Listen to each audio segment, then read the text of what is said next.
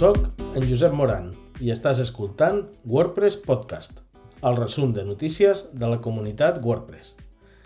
En aquest programa trobaràs la informació del 29 de gener al 4 de febrer del 2024. Fa ja 8 anys d'un tiquet en el qual es proposava precarregar algunes parts de PHP de WordPress i ara arriba una proposta que s'ha estat treballant en els darrers mesos. La nova implementació busca millorar el rendiment en reduir el temps de càrrega i el consum de memòria, ja que carrega només els fitxers necessaris, que és bàsicament l'objectiu d'aquest sistema de precàrrega. S'ha mantingut simple, centrada només en les classes del nucli i per ara excloent una API per a extensions o temes o a l'ús de Composer, tot i que no es descarta que en el futur es pugui incorporar. Aquesta modernització representa un pas important en l'optimització de WordPress i ofereix beneficis tant pels desenvolupadors del nucli com pel rendiment general dels jocs. Amb WordPress 6.4.3 tenim una actualització de manteniment i seguretat que inclou 5 correccions d'errors en el nucli, 16 correccions a l'editor de bloc i dos actualitzacions de seguretat lleus. Es recomana actualitzar els jocs immediatament i l'actualització també està disponible per a versions anteriors des de la 4.1. Una altra novetat és Gutenberg 17.6, que destaca per la possibilitat de facilitar als desenvolupadors de blocs quins altres blocs es poden incloure o no dins dels seus blocs. Un gran canvi serà unificar les característiques que trobem en els dos editors, per exemple, en l'edició de pàgines. Veurem que totes les funcionalitats que estan a l'editor de continguts també les tindrem a l'editor del lloc, perquè es pugui treballar en totes les opcions en dos jocs. L'equip de Core ha introduït nous requisits pels missatges de com i tagit, centrant-se en assegurar que tots els contribuents rebin el degut reconeixement. Això inclou un format específic que utilitza Co-Auto-Read By per acreditar els col·laboradors sense necessitat dels seus correus electrònics personals. A més, s'ha llançat una eina anomenada PropsBot a GitHub per automatitzar la compilació de llistes de contribuents en sol·licituds de tramesa, promocionant així un reconeixement més eficient i complet de totes les formes de contribució al projecte. També es proposa evolucionar el programa de divulgació de WordPress després dels 6 mesos de transició des de la versió 6.4. S'ha suggerit canviar el nom del canal de Slack FSE Outreach Experiment a Outreach abastant més que full site editing i deixant de ser un experiment per poder discutir futures funcionalitats, facilitar les contribucions i connectar els creadors de jocs WordPress amb els desenvolupadors del nucli de WordPress. L'equip de performance segueix enfocat en els seus projectes principals. Un d'ells està gairebé confirmat que vindrà en WordPress 6.5 que és el d'optimitzar la lectura de fitxers de traducció.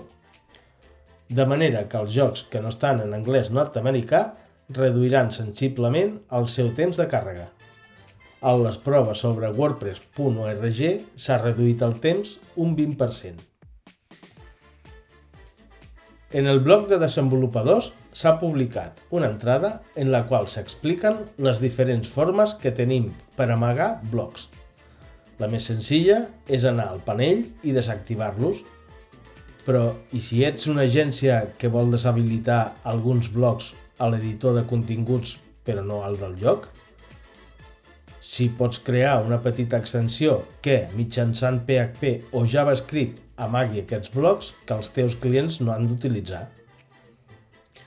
Tot i que no és només amagar blocs, si estàs creant un tema de blocs i vols oferir als usuaris uns quants patrons per facilitar-los la feina, a l'entrada de com afegir patrons als temes de blocs trobaràs una forma fàcil i ràpida de fer-ho. L'equip de hosting ha presentat els seus objectius per a 2024, entre els quals s'ha posat molt de focus en la millora de les eines de proves de futures versions de WordPress en tots els proveïdors possibles. Per això s'han habilitat diverses sessions d'Office Hours durant febrer, amb l'objectiu de millorar-les en el hackathon del CloudFest. L'equip de disseny ha presentat algunes propostes de millora com la dels Lightbox, en la qual es pot decidir quines imatges sí o no volem que siguin ampliables. Un altre canvi el veurem en el bloc de cover, que permetrà ràtio d'espectre o la barra superior d'eines que millorarà quins elements es mostren, sobretot en pantalles petites. L'equip de màrqueting ha anunciat que la Fundació WordPress ha estat aprovada per rebre una subvenció de Google Ads, amb l'objectiu d'incrementar la consciència i la cobertura sobre la Fundació i temes relacionats amb la seva missió. La campanya es llançarà al març de 2024 i se centrarà en la creació d'anuncis de text per promoure la missió de la Fundació, programes de beques i esdeveniments WordCamp, programari de Covid obert i materials educatius. Es mesurarà l'èxit de la campanya a través d'indicadors de rendiment i el possible augment de donacions de la Fundació. L'equip de comunitat ha avaluat el projecte pilot d'esdeveniments WordPress de nova generació iniciat al maig del 2023 amb l'objectiu de provar formats d'esdeveniments més enllà de les WordCamps i Meetup habituals, després dels resultats positius se suggereix incloure de forma permanent una major varietat de formats més creatius en els esdeveniments WordPress. Es destaca la importància d'aquests esdeveniments siguin reproduïbles, atractius, sostenibles i escalables – i s'ha plantejat l'opció de llançar noves eines i guies per donar suport a la iniciativa. I, per acabar, aquest podcast es distribueix amb llicència EUPL. Tens tots els enllaços per ampliar la informació a wordpresspodcast.cat o seguir el contingut també en espanyol, anglès i francès. Una abraçada i fins al pròxim programa.